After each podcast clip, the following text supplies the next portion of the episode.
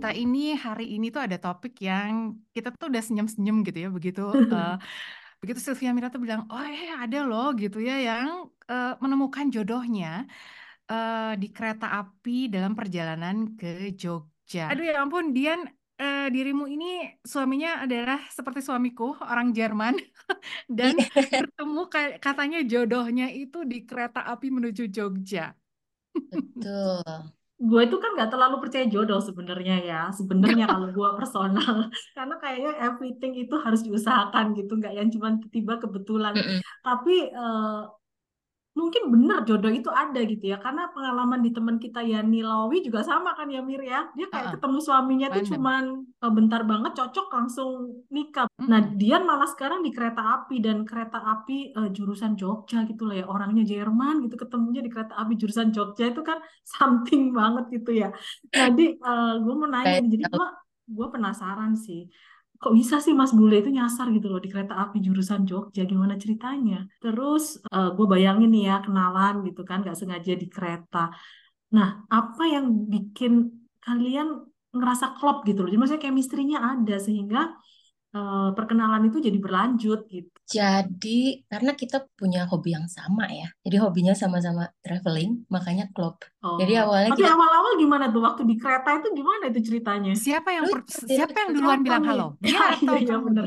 yang bilang halo lucu. hai Mas Bule gitu atau gimana? Oh enggak, kita tuh jadi lucu gini. Dari Surabaya kan ke Jogja ya. Terus aku duluan nih yang naik 10 menit kemudian baru si suamiku yang naik gitu kan di stasiun yang beda dari hatiku itu bilang gini, ya Allah mudah-mudahan ada cowok ganteng nih di depan aku yang duduk, bosen nih.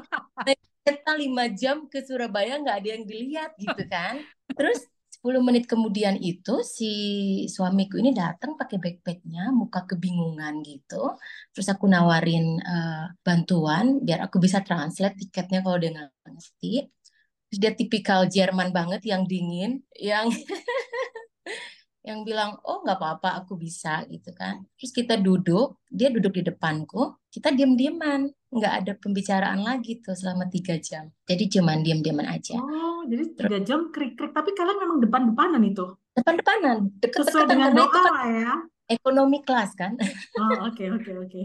oh ya ampun ekonomi kelas tuh kan uh, gerah bukan? Uh, gerah terus juga karena sempit-sempitan jadi kayak lutut kita itu saling bersentuhan. Oh wow. Terus jadi kalian flirting gitu selama tiga jam nggak ngomong apa-apa tapi matanya bicara nggak? Apa sih nih ya, ya ya ya. Jadi kayak aku tuh pakai kacamata hitam kan. Jadi aku tuh sampai kayak yang lirik kiri uh, dari atas sampai bawah ngelihatin kayak ini ada WNA naik kereta ekonomi satu-satunya WNA kok bisa? gitu.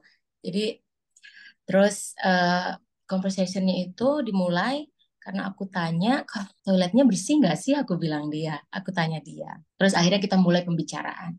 Kayak dari mana asalnya? Terus ya udah mulai ngobrol dia dari Jerman traveling di New Zealand sudah satu bulan sekarang mau traveling di Indonesia selama tiga bulan kayak gitu. Akhirnya klub kita ngobrol. Terus traveling bareng gitu? Akhirnya kita traveling bareng di Jogja sih ya hmm. beberapa hari cuman uh, beda penginapan aku di hostel yang beda beda daerah juga agak jauh terus akhirnya kita janjian ketemuan spending time layaknya temen aja temen temen traveling jangan-jangan setelah dari Jogja kamu ke Jerman tuh atau gimana tuh Jadi tuh memang aku kan kerjanya fleksibel, jadi bisa kerja oh. dari rumah. Dan akhirnya kita mutusin untuk traveling ke tiga negara di Asia selama tiga bulan hmm. waktu itu tapi sebagai teman masih teman kayak teman backpackeran lah gitu. Uh-uh. Nah, okay. selama di tiga negara itu tumbuhlah tuh rasa cinta baru ada. Yeah. Tiga negara terus hmm. itu nanti terus uh, ketika abis traveling itu terus gimana tuh prosesnya? Karena kan kalau prosesku tuh cukup hmm, cukup intens ya dan hmm. maksudnya banyak banget tantangannya lah sampai akhirnya bisa menikah sampai akhirnya bisa pindah gitu. Kalau Dian sendiri gimana? Jadi pas traveling setelah tiga bulan traveling itu si suamiku ini kan harus pulang ke Jerman nih lanjutin sekolahnya. Mm. Tapi dia extend nih tiga bulan spending time lagi dan akhirnya dia ke Indonesia ikut aku gitu. Terus ketemu keluargaku, kenalin sama mama, sama papa, sama semua keluarga. Terus habis itu dia pulang ke Jerman, study lagi di sana. Terus kita LDRan lumayan lama enam tahun kita long distance. Oh my God, 6, Ya, tahun lama banget ya? kita lama long distance-nya enam tahun baru menikah setelah enam tahun. Wow, wow. Nah ini eh karena jadi balik lagi ingin tahu nih ke proses setelah pertemuan di kereta ya kita balik lagi. Mm-mm. Em, atau ad, maksudnya gini, ketika ketemu orang di kereta kan terus traveling beberapa hari di Jogja, eh sempat takut nggak sih gitu bahwa oh orang ini maksudnya eh, scary nggak sih traveling dengan Bener. orang Karena kan asing gitu ya? ketemu orang baru gitu ya, bener-bener kita Heeh, nggak tahu yang nggak backgroundnya, kenal bukan itu dari inner circle kita gitu ya. heeh, Sempet ada takut perasaan nggak ini sih? nggak sih takut atau kayak gimana gitu nggak sih Di? Enggak sih, waktu itu enggak ada perasaan takut soalnya kita langsung tukeran Facebook kan. Jadi tuh kayak aku stalking dia, keluarganya siapa, apa kayak gitu, temen-temennya atau hobinya apa, terus eh, cara berbicara dia seperti apa waktu dia update status kan kita bisa lihat ya orang gitu. Jadi aku udah stalking duluan, oke orangnya seperti ini, oke aku pengen kenal lebih lanjut kayak gitu sih. Tapi Ah, gue Oke. setuju sih, terlepas dari jodoh atau enggak ya, paling enggak cek background itu tuh memang paling penting. Itu kayaknya kita pernah bahas juga di podcast kita ya Mir ya. Cek Ya, background, this is a very important things sebelum eh, melanjutkan ke jenjang selanjutnya, ya nggak sih? Terus ada cara-cara lain untuk memastikan eh, bahwa si Mas Bule ini atau si Kang Bule ini serius nggak sih gitu ya Oh dari ya, ketika awal nih gitu. Apalagi kan mau traveling tiga tiga bulan bersama-sama itu eh, aku tuh udah masih kebayang. Tapi sebelum traveling itu memang sudah ada rasa-rasa tertentu atau gimana itu? PDKT. Udah PDKT ya waktu itu. Ah, oke. Lah kita pengen tahu nih tiga bulan ini gimana eh, it works or not gitu. Ternyata it works. Jadi kita lanjut waktu itu. Oh, jadi proses sebetulnya tiga bulan traveling itu juga cek ombak ya Dian ya. Maksudku, Ya benar. iya benar, benar. Tapi traveling itu salah satu cara jitu loh. Karena kan kita bisa tahu kan Benar-benar. eh, orang itu eh, aslinya Aslinya kayak bisa gimana itu dari traveling. Memang benar-benar. dari travel sifat aslinya bisa kelihatan Hmm, ketika traveling bareng kayak gitu. Entah hobi iya. dia, entah cara pas dia lagi emosi, marah itu kan kelihatan kan pas lagi traveling kan itu dua karakter jadi satu. Jadi kayaknya ah oke aku bisa baca nih karakternya. Orang ini bisa nggak dijadiin sebagai gak usah pendamping hidup dulu lah, pacar dulu gitu. Hmm, hmm.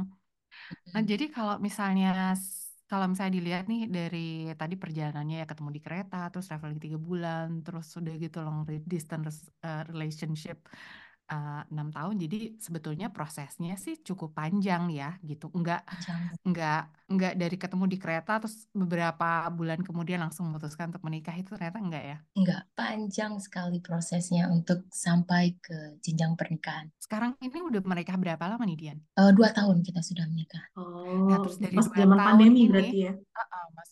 Oh iya, Ya, ya bener ya. Zaman pandemi berarti menikahnya. ya zaman-zaman pandemi, zaman-zaman koronces kita menikahnya. Oh, kalau misalnya flashback lagi ke ke ke kejadian di kereta itu, eh, sempat kebayang nggak sih bakal menemukan jodoh dari dari perjalanan kereta gitu ya? Uh, enggak, karena waktu itu kak aku kan lagi patah hati, patah hati banget. Jadi yang Hmm. mikir aku nggak mau kenal cowok nih selama berapa tahun gitu. Kayaknya udah tutup hati sama cowok. Terus aku mau fokus karir waktu itu. Dia aku tuh kayak apa ya? Healing dulu lah, baru fokus karir gitu. Ternyata di saat healing itu aku ketemu sama jodohku di situ. Hmm.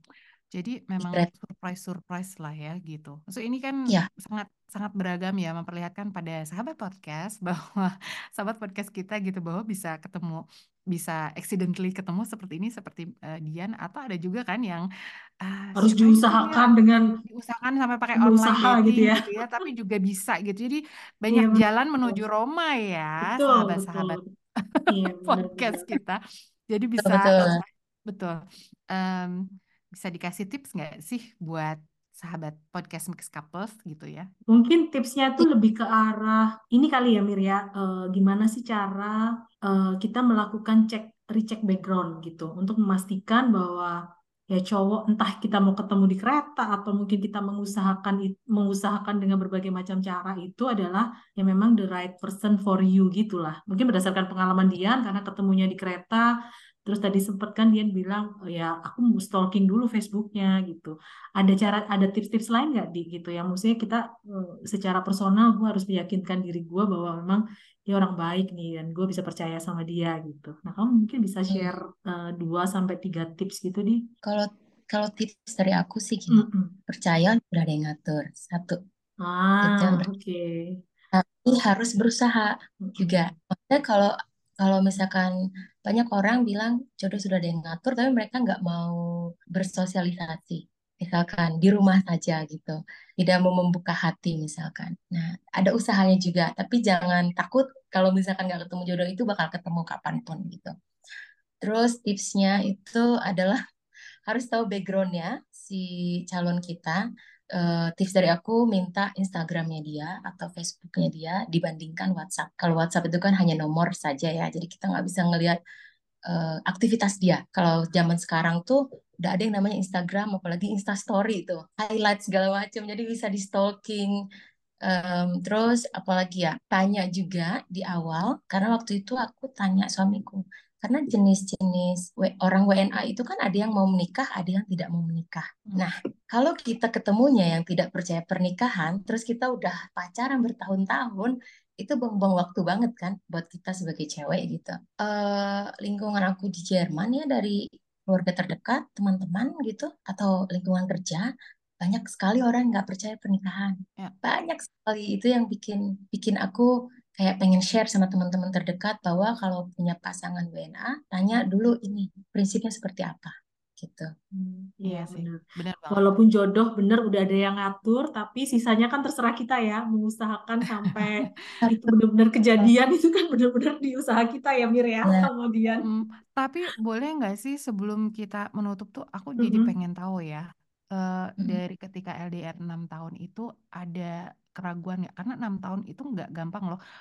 Belakangan ya. nih aku dap- sempet dapat eh, feed gitu ya di Instagram yang orang bilang pokoknya tunggu aja sampai tiga tahun tapi kalau nggak diajak nikah beneran udah tinggalin gitu ya. Ini baru kemarin ya aku baca lihat di reels Instagram gitu ya. Di tahun ketiga itu sempat aku akunya yang ada keraguan waktu itu. Mhm. Karena si suamiku tuh nggak ada ngomongin apa ya, kapan nih kita nikah atau planning aja lah gitu. Nggak ada omongan sama sekali. Jadi aku sempat tanya lagi di tahun ketiga, kamu ini serius nggak sih? Ini udah tahun ketiga nih gitu. Kok nggak ada omongan? Omongan aja nggak usah harus menikah gitu. Dia Mhm. selalu, selalu omongan untuk menikah. Sempet kayak aku berpikir, ya udah deh kalau kamu nggak ada omongan kayak gini, berarti kamu nggak serius, kita udahan aja. Dan di tahun ketiga setelah aku ngomong gini, suamiku ngajak tunangan. Tahun ketiga Hmm. kita udah, dan nikahnya setelah tiga tahun setelah tunangan. Hmm. Step by ya. step tapi 100% Tapi inilah ya kejadian. 100% kejadian, Ya, benar-benar. aku percaya banget sih ketika suamiku ngelamar aku itu, aku percaya ini bakal kejadian nikah. Hmm. Karena Hmm. dia bukan tipe kalau orang yang janji-janji manis gitu. Jadi dia kalau sudah A, A gitu. Makanya dia nggak mau ngomongin pernikahan waktu itu karena dia belum, katanya belum yakin waktu itu. Oke, oke. Om Karena ini kita nggak ini bareng ya, jadi kayaknya dia kayaknya butuh waktu untuk tahu karakter juga. Tapi mungkin ini juga take away ya, Sylvia Mira ya buat pendengar kita gitu. Kita sama-sama orang Indonesia bertemu dengan Jerman gitu. Jadi jalan hidup tuh nggak bisa di nggak bisa diatur dan nggak bisa juga misalnya kalau ceritanya aku bakal berlaku untuk Dian gitu atau ceritanya Eh, Dian akan berlaku untuk semua orang. Nggak juga ya gitu. Jadi masing-masing punya ceritanya masing-masing. Jangan terperangkap oleh mitos-mitos yang nggak jelas itu gitu. ya Gitu. banyak juga yang akhirnya selesai kan, pas Betul. ditodong gitu, enggak banyak juga yang akhirnya. Iya juga yang benar mundur. benar. Iya bisa Ya, juga juga karena ya mundur. memang balik lagi berarti belum siap gitu kan. Heeh sih. Betul. Iya, betul. Oke, jadi eh, oke Dian, thank you banget untuk sharingnya hari ini gitu ya. Percaya atau nggak percaya, jodoh di tangan siapa gitu. Tapi yang penting jodoh itu Iya, ada yang ngatur. Cuman kalau ngelihat dari eh, usaha eh, Dian gitu ya untuk mempertahankan hubungan itu ya berarti memang selain berjodoh tetap harus diusahakan gitu kan ya. Jadi berdoa uh, juga harus benar dan di, uh, berdoa benar. Oke, benar jadi benar. demikian bahasan episode uh, kita di awal tahun 2024 ini. Kalau kalian pengen ngobrol-ngobrol uh, barengan sama kita nih di podcast Mix Couples, boleh banget silakan kirim email ke mixcouples.id@gmail.com atau bisa langsung uh, DM ke Instagram kita di @mixcouples.id. Oke, Makasih Dian, thank you banget.